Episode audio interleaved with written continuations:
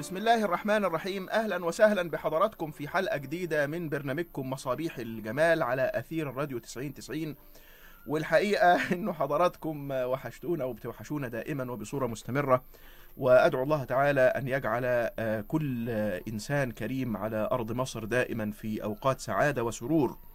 وطبعا إحنا أهو بقينا في شهر شعبان.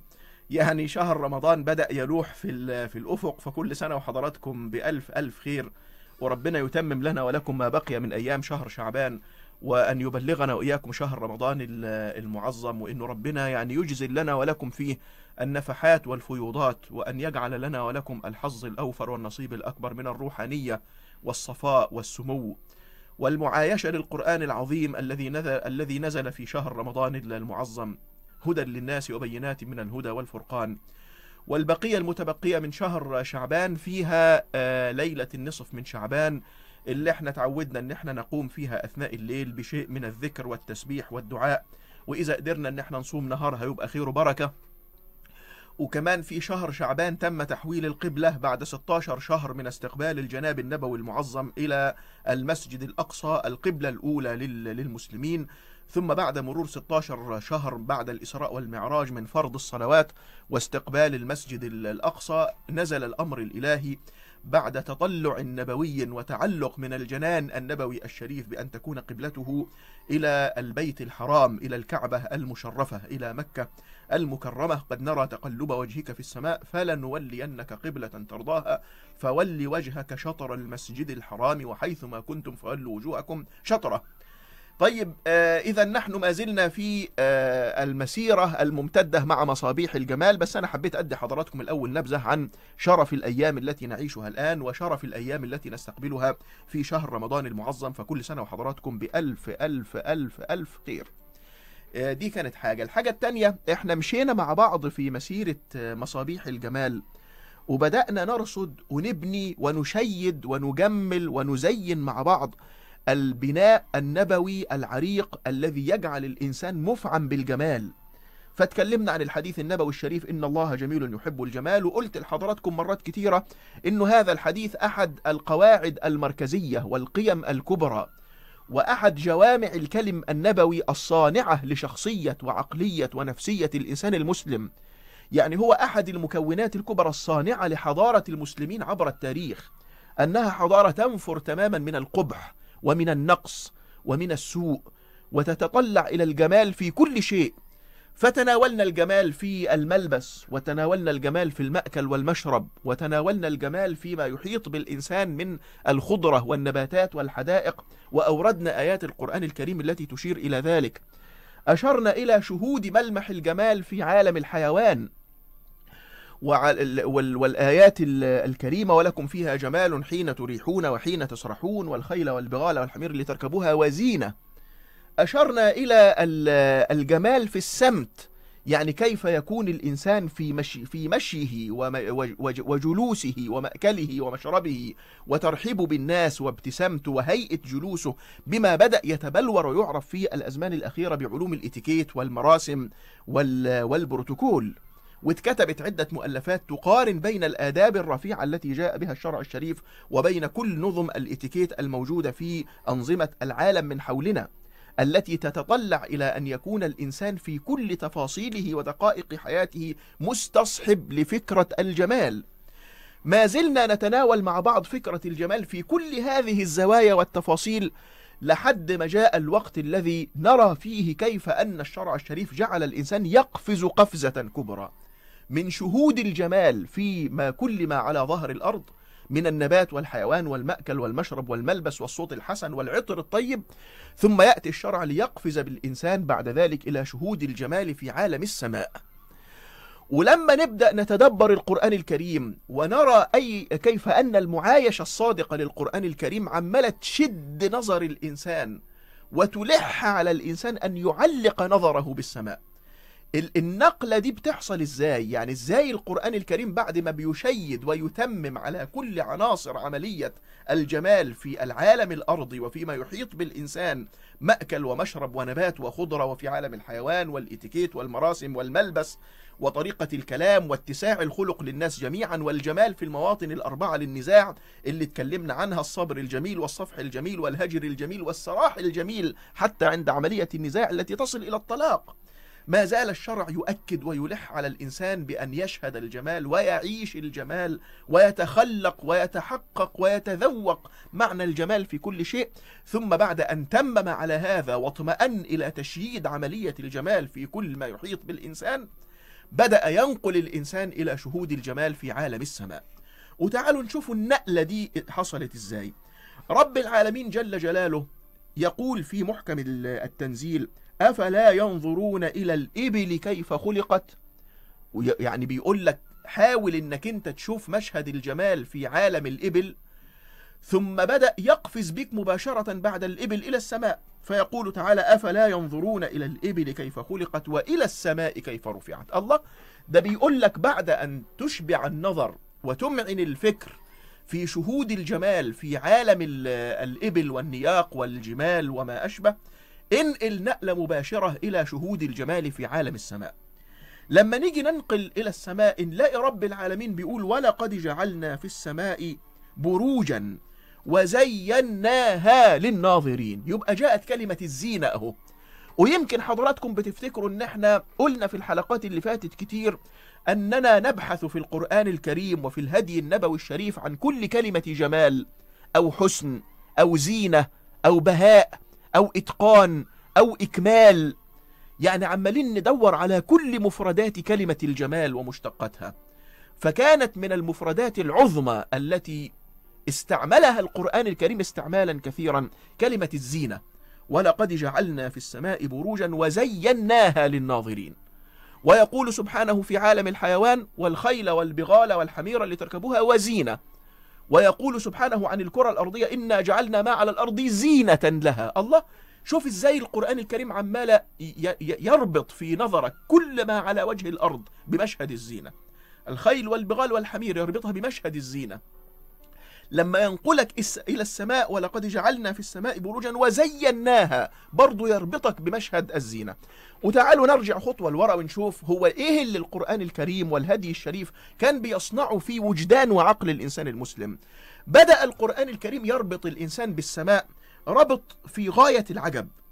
يعني عمال يشد نظرك إلى السماء كل شوية عمال يلح عليك إنك تبدأ تضع في برنامجك اليومي وفي دائرة اهتماماتك أن يكون لك اهتمام ونظر إلى السماء. اسمع كده معايا قول الله تعالى أفلم ينظروا إلى السماء فوقهم؟ كيف بنيناها؟ هي السماء أهي. يعني بيقول لك خلي نظرك مشدود للسماء. قل انظروا ماذا في السماوات والأرض. ويقول سبحانه أيضا وجعلنا السماء سقفا محفوظا. وهم عن آياتها معرضون. يعني مش عايزين يلتفتوا للسماء. ويشهدوا ما فيها من الجمال والبهاء والاتساق والحسن والزينة والأفلاك والنجوم والكواكب والمجرات والشهب والنيازك وال وال وال والنجوم التي انقضى عمرها بعد مليارات السنين فتحولت إلى ثقوب سوداء فنشأت قوانين فيزيائية من أغرب ما يمكن أن يرصده العلم. ليه بتفوت على نفسك شهود هذه الآيات؟ عيش المعنى ده. دوروا فيه فكروا تأملوا أبدعوا. حاولوا إنكم أنتوا تخلوا في وقت كبير جدا من عملية الفكر عندك منصرفة إلى دراسة وتأمل واستكشاف هذه القوانين التي تحكم عالم السماء. وجعلنا السماء سقفا محفوظا وهم عن آياتها معرضون. اسمع ربنا كمان بيقول لك إيه؟ الله الذي رفع السماوات بغير عمد ترونها. قال سبحانه والسماء بنيناها بأيد وإنا لموسعون. قال سبحانه إن في خلق السماوات والأرض واختلاف الليل والنهار لآيات لأولي الألباب. قال سبحانه ولقد زينا السماء الدنيا بمصابيح. قال سبحانه إنا زينا السماء الدنيا بزينة الكواكب. قال سبحانه وعلامات وبالنجم هم يهتدون. قال سبحانه وهو الذي جعل لكم النجوم لتهتدوا بها في ظلمات البر والبحر. يعني أنت عايز إيه تاني بعد هذا الكم الكبير من الآيات؟ اللي عمالة تقول لك بإلحاح تأمل السماء. يا سيدي الله يخليك بص للسماء اتفرج على السماء. أربط عينك بمشهد الزينة والآيات العظام الموجودة في السماء. ومش بس كده بل بدأ القرآن الكريم يربط نظر, نظر الإنسان بالشمس والقمر. ده حاجة تاني بقى. كم آية في القرآن الكريم أشارت إلى الشمس والقمر؟ وإلى أفلاكهما ودورانهما وجريانهما والمستقر الذي تجري إليه الشمس والقمر والأفلاك التي تدور فيها الشمس والقمر. ثم يأتي القرآن الكريم ليربط العبادات والشعائر بشهود أجرام السماء.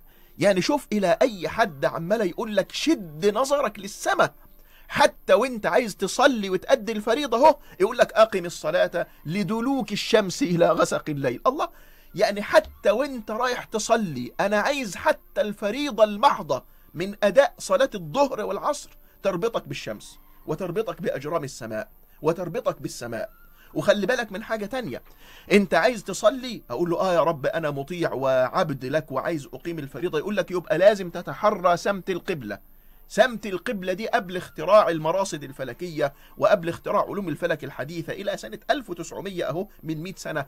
كان إزاي أي مسلم على وجه الأرض في أي نقطة على ظهر الأرض كان إزاي بيعرف مكان القبلة علشان يستقبله في الصلاة؟ من خلال حسابات فلكية يرى مجموعات معينة للنجوم ويضبط ويضبط نفسه ويعرف الشرق والغرب والشمال والجنوب ويبدأ يعرف الجهات الأصلية وعن طريق مجموعات محددة للنجوم يخليها قدام عينيه يبقى مستقبل القبلة بالضبط. بالضبط.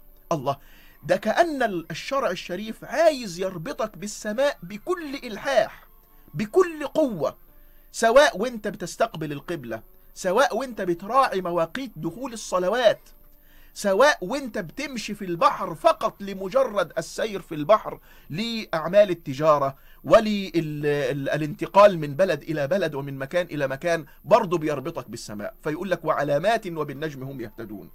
ويقول لك وهو الذي جعل لكم النجوم لتهتدوا بها في ظلمات البر والبحر. يعني وانت رايح تستقبل القبلة انظر إلى السماء. وانت رايح تقيم الصلوات والفرائض انظر إلى السماء. وانت عايز تسافر وتبحر بالتجارة أو, أو الرحلة وال والانفتاح على العالم انظر إلى السماء. وتأمل مجموعات النجوم وارصدها.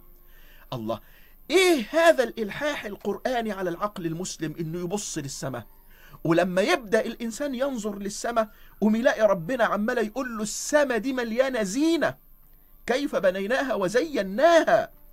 وخلي بالك إنه دي مليانة آيات وعلوم. وخلي بالك إنه دي سقف محفوظ. وخلي بالك إنه دي رفعت بغير عمد. يعني لها قوانين فيزيائية تجعل السماء في جهة العلو. وتجعل الغلاف الجوي محيط بالكرة الأرضية. وتجعله لا يتبدد في الفضاء الخارجي. وتجعله مرتب على طبقات بعضها أعلى من بعض وتجعلها مليئة بالمجال الكهرومغناطيسي المحيط بالأرض ليدفع عن الأرض ال ال ال الأمواج والأشعة والعواصف الشمسية التي قد تضر الإنسان إيه البناء المحكم ده؟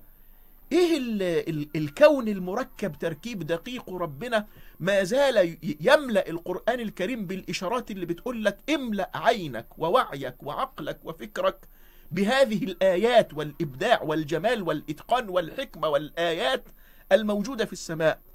اطلع بره الضيق اللي انت عايش فيه من انك كل يوم عمالة تتخانق مع مراتك أو تتخانق مع جارك أو إنك انت مليان بالكآبة والحزن والإحباط أو إنك انت حاطط نفسك في جو نفسي سلبي. أو إنك أنت حابس نفسك في حدود الحارة والقرية والنجع اللي سيادتك مقيم فيها أو الحي أو المكان اللي حضرتك مقيم فيه ومحمل نفسك بهموم الحياة ومثقل ونفسيتك مثقلة. اطلع بره كل هذا وارميه ورا ظهرك وحاول إنك تشد نظرك للسماء. ليس بغرض الاستمتاع الشخصي ولا بغرض إنك أنت تصفي صدرك حينما ترى السماء. بل بغرض أن يتحول هذا المبدأ إلى مبدأ علمي مستقر نلقنه للأجيال ونصنع به مؤسسات فتنشأ مراصد الفلك فيبدع المسلمون في علوم الفلك زي ما هقول لحضراتكم إيه اللي حصل في هذا المجال عندنا بعد لحظات. بس كأنه قضية النظر إلى السماء وشهود ما فيها من الجمال والاهتداء بما فيها من النجوم ومعرفة سمت القبلة من خلال النجوم ومن خلال الشمس ومعرفة مواقيت الصلوات من خلال الشمس ومعرفة دخول رمضان من خلال رصد الأهلة ومعرفة منازل القمر ومعرفة كيف يتدرج بالتدريج وكيف أنه تبنى الأحكام الشرعية من دخول موسم الحج ومن مجيء وقت الصيام من خلال رصد الهلال. الله! ده كأنه القرآن بيقول لك يا أيها المسلم شد نظرك وعقلك وفكرك للسماء وارصد وتعلم وادرس واستكشف وأبدع. هل تتخيلوا حضراتكم إنه المدن الكبرى أي مدينة كبرى في العالم زي القاهرة زي طوكيو زي لندن زي أمستردام زي أثينا زي نيويورك زي نيو دلهي أي عد كده أي مدينة كبرى من المدن الكبرى في العالم العواصم أو المدن الكبرى نتيجة كثافة الإضاءة لما تكون مدينة ممتدة على امتداد 30-40 كيلو متر مربع ومليانة بالأبراج والشوارع واللمبات والإضاءة المكثفة. بقت العادة إن إحنا النهاردة لو خرجنا للشارع في أي ساعة من الليل ونظرنا إلى السماء عمرنا ما نرى فيها شيء من النجوم. نظرا لشدة كثافة الأضواء المحيطة بنا والممتدة على نطاق كيلومترات محيطة بنا شمالا وجنوبا وشرقا وغربا. ولذلك بدأ يفوت الإنسان أنه يستلقي على ظهره ويرى مشهد الإبداع المحكم في عشرات ومئات وألوف وملايين النجوم التي ترصع السماء. كان هذا المشهد في القرون الماضية من أعجب المشاهد التي يراها الإنسان وتسحر لبه وتشغل عقله. ما هي تلك النقاط؟ اللامعة المضيئة المعلقة في السماء وما هي قوانينها وعلومها؟ وكم تبعد عنا؟ وهل تدور حولها كواكب وأفلاك ككوكب الأرض؟ وهل في تلك الكواكب والأفلاك حياة؟ وهل نستطيع إن إحنا نستكشف أسبابها وقوانينها ونستفيد بها في الأرض؟ كم كانت هذه العلوم والمعارف محرك كبير لعقل الإنسان المسلم عبر التاريخ فأبدع صورا من الإبداع. سأذكر لحضراتكم منها لمحات بعد الفاصل لنرى كيف امتلأ وعي المسلم بالجمال من خلال مصابيح الجمال في السماء وفي الأرض ونكمل الكلام بعد الفاصل. أهلا وسهلا بكم ورجعنا لحضراتكم مرة تاني بعد الفاصل لنكمل معا مسيرة مصابيح الجمال. وكان الثمرة اللي إحنا بنقتطفها من شجرة الجمال النهارده كيف أننا بعد حلقات ممتدة من تشييد بناء الجمال في سائر كافة تفاصيل حياة الإنسان المأكل والمشرب والخضرة اللي ينبغي أن تحيط بالإنسان وشهود الجمال في عالم الحيوان والخلق والتصرف خصوصا في مواضع النزاع الأربعة الصبر والصفح والهجر والسراح الجميل. الجمال في في السمت العام وفي الاتيكيت العام اللي الإنسان بيعيش بيه ويتفاعل بيه مع كافة تفاصيل الحياة بدأنا ننتقل إلى أن الشرع الشريف بعد أن شيد الجمال في كافة التفاصيل نقل الإنسان من شهود الجمال في عالم الأرض بمحتوياته المختلفة إلى شهود الجمال في عالم السماء. وأوردنا عدد كبير من الآيات القرآنية الحكيمة اللي تبين لي كم وكم من الآيات اللي ربنا بيقول للإنسان فيها علق نظرك بالسماء بكل ما تملك.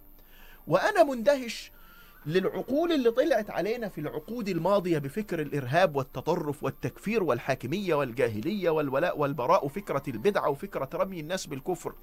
إزاي بيقرأ القرآن الكريم آياته المعظمة فيغيب عنه شهود المعاني العظمى اللي القرآن الكريم أشار إليها. إزاي بينغلق على جزئية أو قضية ويفهمها فهم مغلوط وياخد آية واحدة من القرآن الكريم ويتخبط في فهمها ويخرج بها على الناس بالقبح والتكفير والقتل ويهمل ويهدر ولا يستطيع التوقف وتعمى عينه عن أن يرى المعاني الكبرى التي جاء بها القرآن الكريم. القرآن جاء للناس بقضية العلم وألح على قضية العلم في نحو 700 موضع يشير إلى العلم والفكر والعقل والنظر والتدبر. فيهمل هذا المتطرف 700 موضع في القرآن الكريم القرآن يعلق فيها همم الناس بالعلم والشغف به ثم يخرج على الناس بالتكفير. كم من موضع في القرآن الكريم القرآن يشير إلى السماء والنجوم والأفلاك وآيات السماء ويهملها هذا الإنسان المجرم الإرهابي ويهدر هذا الكم الكبير من الآيات التي تبدأ وتشعل مسيرة العلم والحضارة في تاريخ المسلمين. الإنسان وتعظيم الإنسان وإكرام الإنسان ورعاية خاطره فكرة النور والوضوح والعلم والمعرفة فكرة القيم الأخلاقية فكرة النفس البشرية واستكشاف أبعادها ومعالجة النفس من كل عللها ومعرفة طرق التأثير على النفس واستجابتها للمؤثرات المختلفة. أقول إيه ولا إيه من المعاني والأهداف الكبرى التي جاء بها القرآن العظيم ثم يهملها هؤلاء ويتخذونها نسيا منسيا وينطلق إلى الأفق الضيق الذي حصر نفسه فيه ثم يكفر الناس ويخرج عليهم بالسلاح. طيب القرآن الكريم لما بدأ يربط نظر الإنسان بالسماء بدأ يؤسس عنده لبواكير العلوم الأولى. يعني مثلا ربنا لما بيقول وعلامات وبالنجم هم يهتدون. يعني لا يكفي أن تنظر للسماء نظر عابر بل نظر الراصد الفاحص الدارس اللي بيصنف ويرقم ويدون ويرصد ويتتبع مجموعات النجوم في السماء. فبدأت تولد عندنا في تاريخنا ظاهرة عرفت بظاهرة المراصد الفلكية. إنشاء مؤسسة علمية يتوفر لها التمويل الكبير من الخلفاء والأمراء والقادة في ذلك الحين ويدعى إليها كبار علماء الفلك من أئمة الإسلام من أجل مزيد من الإبداع في رصد مجموعات النجوم بكل الأدوات والإمكانيات والسقف العلمي المتاح لهم حينئذ. فيأتي كمال الدين بن يونس إلى القاهرة ويبدع إبداعا كبيرا في العلوم الرياضية وفي العلوم الهندسية وفي علوم الفلك. فيقيم له الخليفة المقيم في مصر مرصدا في المقطم ويوفر له أدوات الرصد الفلكي الموجودة في ذلك الحين مثل الإسطرلاب وغيره من بواكير أدوات علوم الفلك. فيعكف هذا الإمام على دراسة عالم النجوم فيخرج بما كان يسمى حينئذ باسم الزيج أو التقويم. أو الجدول الذي تسجل فيه نجوم السماء ومرات ظهورها واختفائها في السماء بحسب دوران الأرض ومدى الإمكانية تكوين مجموعات نجمية نهتدي بها ونعرف بها الاتجاهات. فوجد عندنا في مصر هذا المرصد الفلكي ووجد المرصد الفلكي في بغداد وفي دمشق وفي أصفهان وفي مدينة مراغة في بلاد ما وراء النهر وفي قرطبة وفي بلاد الأندلس. وكثرت المراصد الفلكية كثرة بالغة حتى إنه مثلا الشاعر الكبير عمر الخيام اللي إحنا عرفناه بالرباعيات. رباعيات عمر الخيام اللي بدأ يحاكيها المرحوم الأديب صلاح جهين وبدأت تغنى عند بعض ال ال ال ال الأدباء. اللي عرفناه من عمر الخيام إنه الشاعر الأديب المبدع صاحب الرباعيات دي. لكن الذي يغيب عن كثير من الناس أن عمر الخيام كان في المقام الأول فلكيا. وأنه كان يقيم مع ثلاثين عالما بالفلك في المرصد الذي كان يشتغل فيه وأبدعوا إبداعات خالدة في تاريخ علوم الفلك عند المسلمين.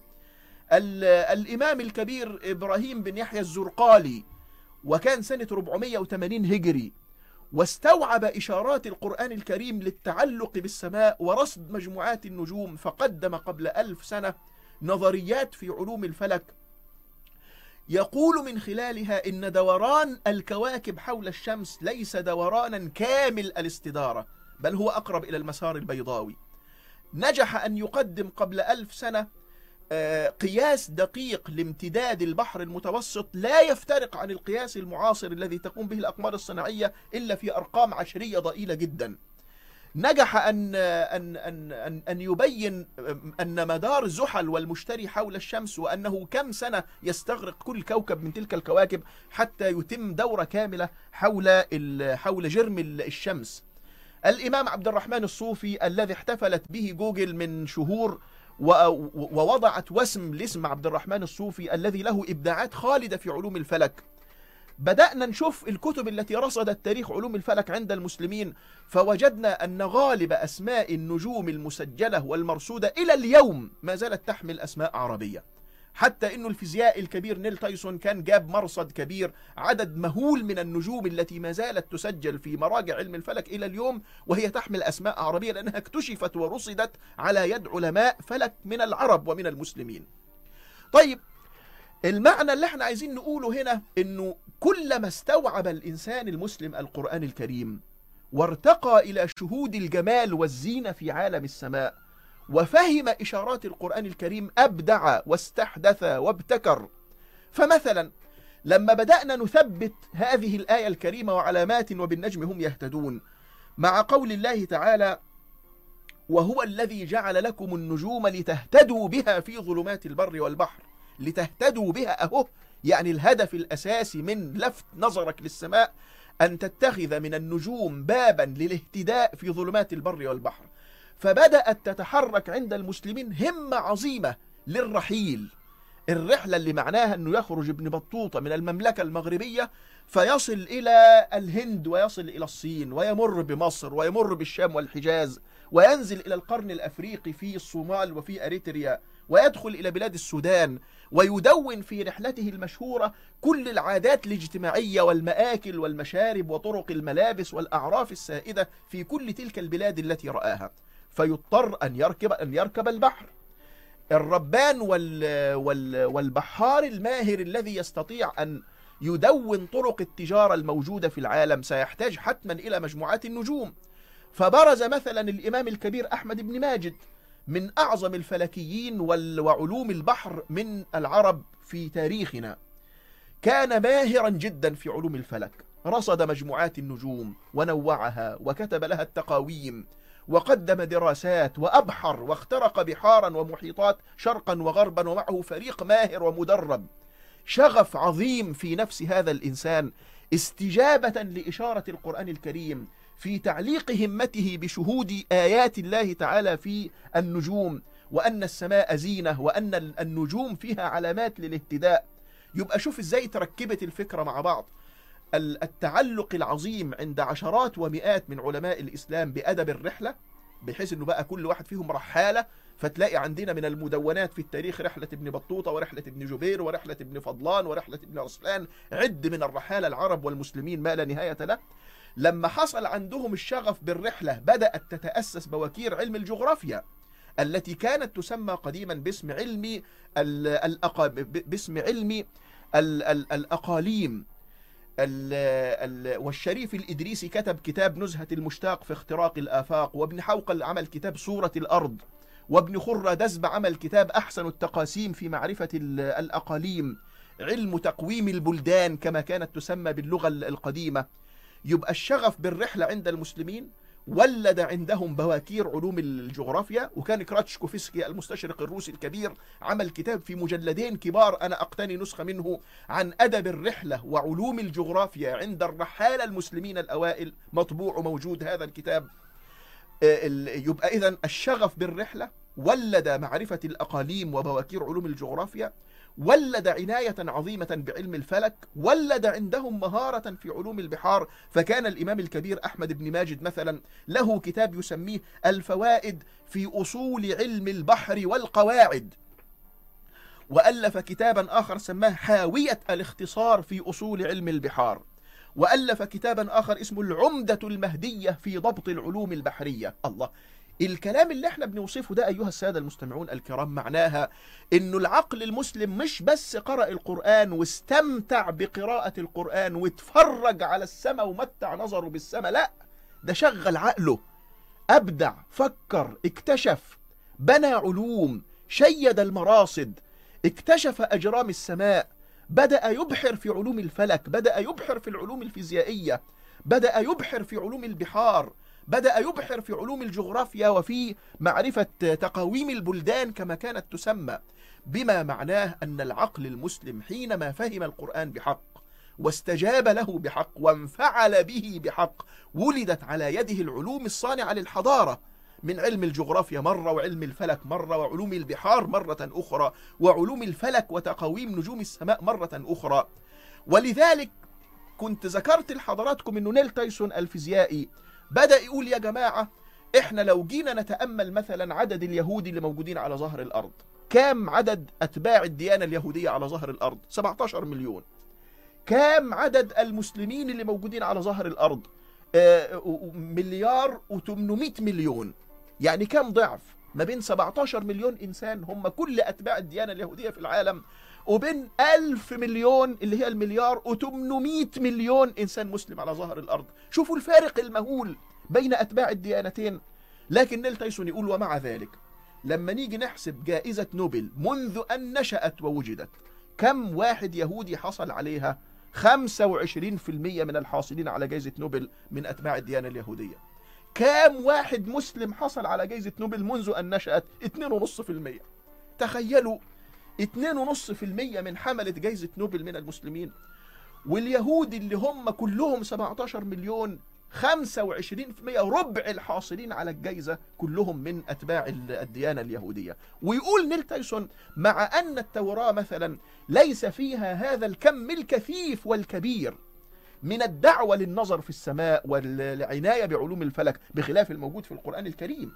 ثم يقول نيل تايسون في نهاية الكلام أنا أبيت عددا كبيرا من الليالي وأنا مؤرق ومنشغل ومذهول من كم الأسرار والعلوم الفلكية التي كان يمكن لنا أن نكون اكتشفناها الآن. لو ظل المسلمون يسيرون على نفس النسق والنمط والمستوى الذي الذي كانوا يعملون به في القرن الخامس الهجري والسادس الهجري والسابع الهجري. أنا ليه بقول لحضراتكم هذا الكلام؟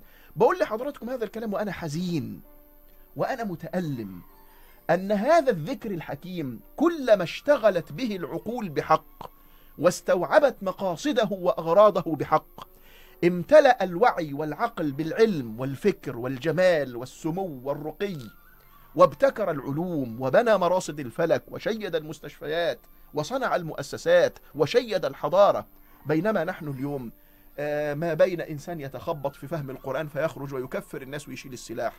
ما بين واحد تاني بيقرأ القرآن بس كنص حكيم وسلوكه في ناحية تانية خالص. ما بين واحد متعثر في نظام التعليم ومش عايز يعني يتحول العلم والتعليم عنده إلى إبداع وابتكار. بقى يا دوب بس عايز يخلص التعليم بأي طريقة عشان يلاقي وظيفة عشان يعرف يأكل ويشرب وبس هو ده كل همه في الحياة.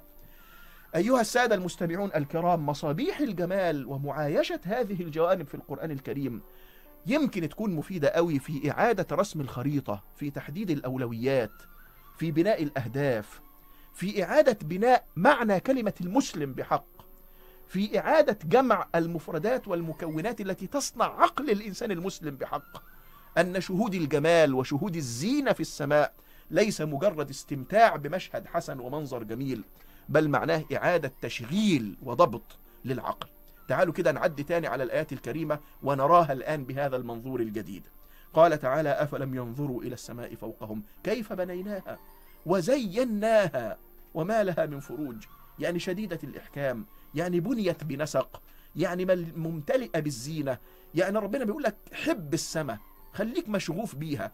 تخيلوا أيها المستمعون الكرام أنا لما كنت بتابع قبل شهر يمكن من الزمان ولا إيه لما كنت بتابع الاهتمام العالمي الكبير والاحتفال الكبير في دولة الإمارات الشقيقة بمرصد بمسبار الأمل الذي أرسلته الإمارات ووصل إلى مدار المريخ وبقت أنظار العالم بأكمله مشدودة إلى مسبار الأمل. ومتى يدخل إلى مدار المريخ؟ وكيف تدار العملية التقنية المركبة التي تجعل هذا المسبار يخفض من السرعة ليدخل في المدار ويدور حول المريخ؟ فلا تبطئ سرعته فيقع في نطاق جاذبية الكوكب فيهوي ويحترق ولا يظل بنفس السرعة فيتجاوز المريخ ويسبح في الفضاء العميق وتفشل مهمته. أنا كنت عمال أقول هذا البلد الشقيق الإمارات بلد شقيق عربي مسلم. نجح أن يخترق عالم الفضاء وأن يشغف به وأن يتعلق به. سمو الشيخ محمد بن زايد يقول إحنا وصلنا إلى مدار المريخ لكن الغرض أكبر من ذلك الغرض دخول التاريخ وصناعة أمل ومعرفة أن الإنسان العربي المسلم قادر على أن يتحدى قادر على أنه يبتكر قادر على أنه يضع لنفسه مكان بين دائرة اهتمامات العالم المحيطة بنا. أنا شايف في هذا المشهد أحد الصور التي نريد لنا جميعا. إحنا بسرعة عايزين نخرج من دائرة محاربة الإرهاب وننجز فيها بسرعة. علشان بسرعة ننتهي من مسار تنمية البلد وإعادة بناء المدن وتطوير الريف وشق الطرق وبناء المدن الجديدة وتشييد ال ال ال ال أماكن العمل وفرص العمل. علشان ننجز بسرعة محاربة الإرهاب وننجز بسرعة مسار التنمية. علشان نبدأ نفوق ونتطلع إلى الأمل. إلى الإبداع إلى العلم إلى الحضارة إلى الجمال إلى الابتكار. إلى تشغيل صنعة وفلسفة التعليم عندنا كمصريين عشان ترجع مرة تاني تطلع لي واحد زي الدكتور يحيى المشد وزي الدكتور أحمد زويل وزي الدكتور مصطفى السيد وزي الدكتور علي مصطفى مشرفة والأساطين والعباقرة من المصريين في تلك المجالات وفاروق الباز وغيره من العظماء المصريين اللي نجحوا أن يسجلوا اسم مصر في تلك العلوم في آه، مؤسسات العالم الكبرى. إن الله جميل يحب الجمال. أفلم ينظروا إلى السماء فوقهم كيف بنيناها وزيناها وما لها من فروج؟ قل انظروا ماذا في السماوات والأرض؟ والله العظيم يا جماعة ده قرآن كريم ده آيات الذكر الحكيم. هي دي دعوة القرآن هو ده الهدف اللي القرآن بيقول لكم اشتغلوا عليه. واسمحوا لي أن نكمل بقية هذه المعاني لكن بعد الفاصل. أهلا وسهلا ورجعنا لحضراتكم مرة تاني. وفي خواتيم حلقة اليوم من مصابيح الجمال. الفكرة اللي إحنا بنأسس ليها وبنشيدها وبنبنيها وعمالين نعيد ونزيد ون ونجمع لها الشواهد ون ونفتش عنها في كل أركان الشرع الشريف. هو أن إزاي ربنا أراد إنه يبني هذا هذا الإنسان؟ إزاي ربنا بيجمع كل العوامل التي تبني إنسان سوي آه، مبدع قوي واسع الأفق آه، صانع للحضارة مشارك للعالم في همومه وفي آماله وفي آلامه. عنده أطروحة وعطاء يقدمها للبشرية من حواليه. قادر على إنه يؤتمن على بلده وعلى وطنه ويحميه ويعزه ويرفع راسه بين الأمم. قادر على إنه يواجه أزماته ومشكلاته وإنه يحارب الفقر ويحارب التخلف ويحارب المرض ويبني العلوم والمؤسسات اللي تجعل هذه الظواهر تزول من بلادنا ومن مجتمعاتنا.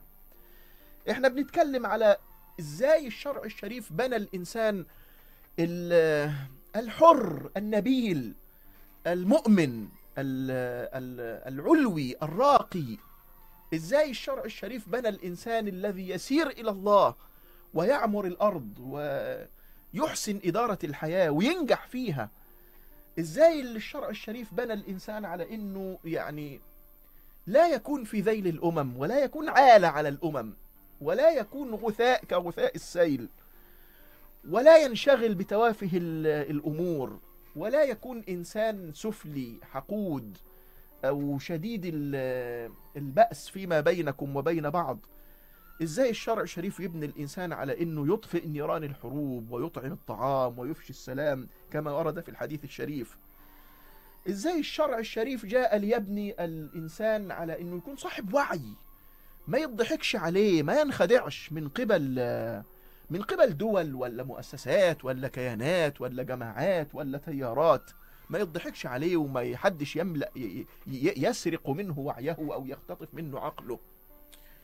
إحنا بنتكلم على يعني مدخل الجمال قد يكون مجرد مدخل وعتبة وبداية بس الأمر أكبر وأعمق وأوسع.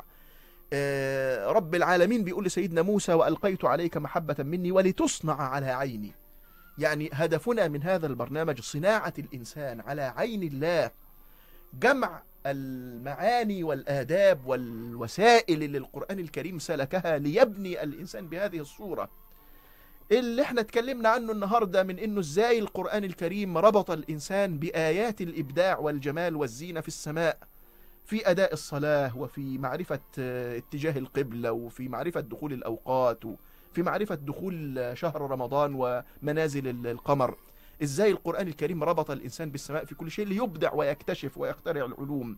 وطبعا لنا إكمال لهذه المسيرة في حلقات قادمة لكن قبل أن نختم الحقيقة إنه بقلب يعني آه، ممتلئ ببالغ الأسى والحزن. بلغنا ال- الح- النبأ الحادث ال- الأليم لاصطدام قطارين في محافظة آه، سوهاج وإنه عدد الوفيات إلى الآن تقريبا 32 آه، يعني شهيد ومتوفى وعدد من من المصابين. طبعا سيادة الرئيس والسيد رئيس الوزراء وال وزير النقل ووزيرة الصحة وسيد النائب العام وهيئة الرقابة الإدارية وكل مؤسسات البلد.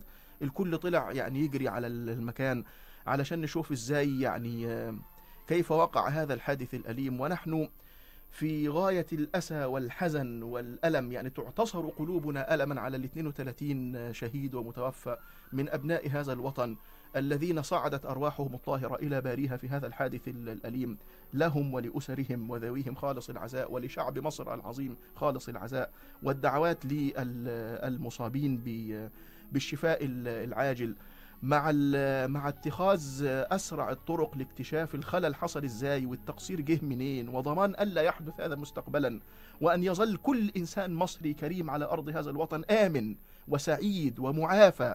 نسأل الله تعالى أن ينزل على قلوبنا جميعا وعلى قلوب شعب مصر الكريم جميعا الصبر والسلوان في هذا الحادث الأليم المأسوي وأن يتغمد الشهداء والمنتقلين بواسع الرحمة والمغفرة وأن ينزل الصبر والسكينة على قلوبنا جميعا وأن يحفظ مصر بحفظه الجميل.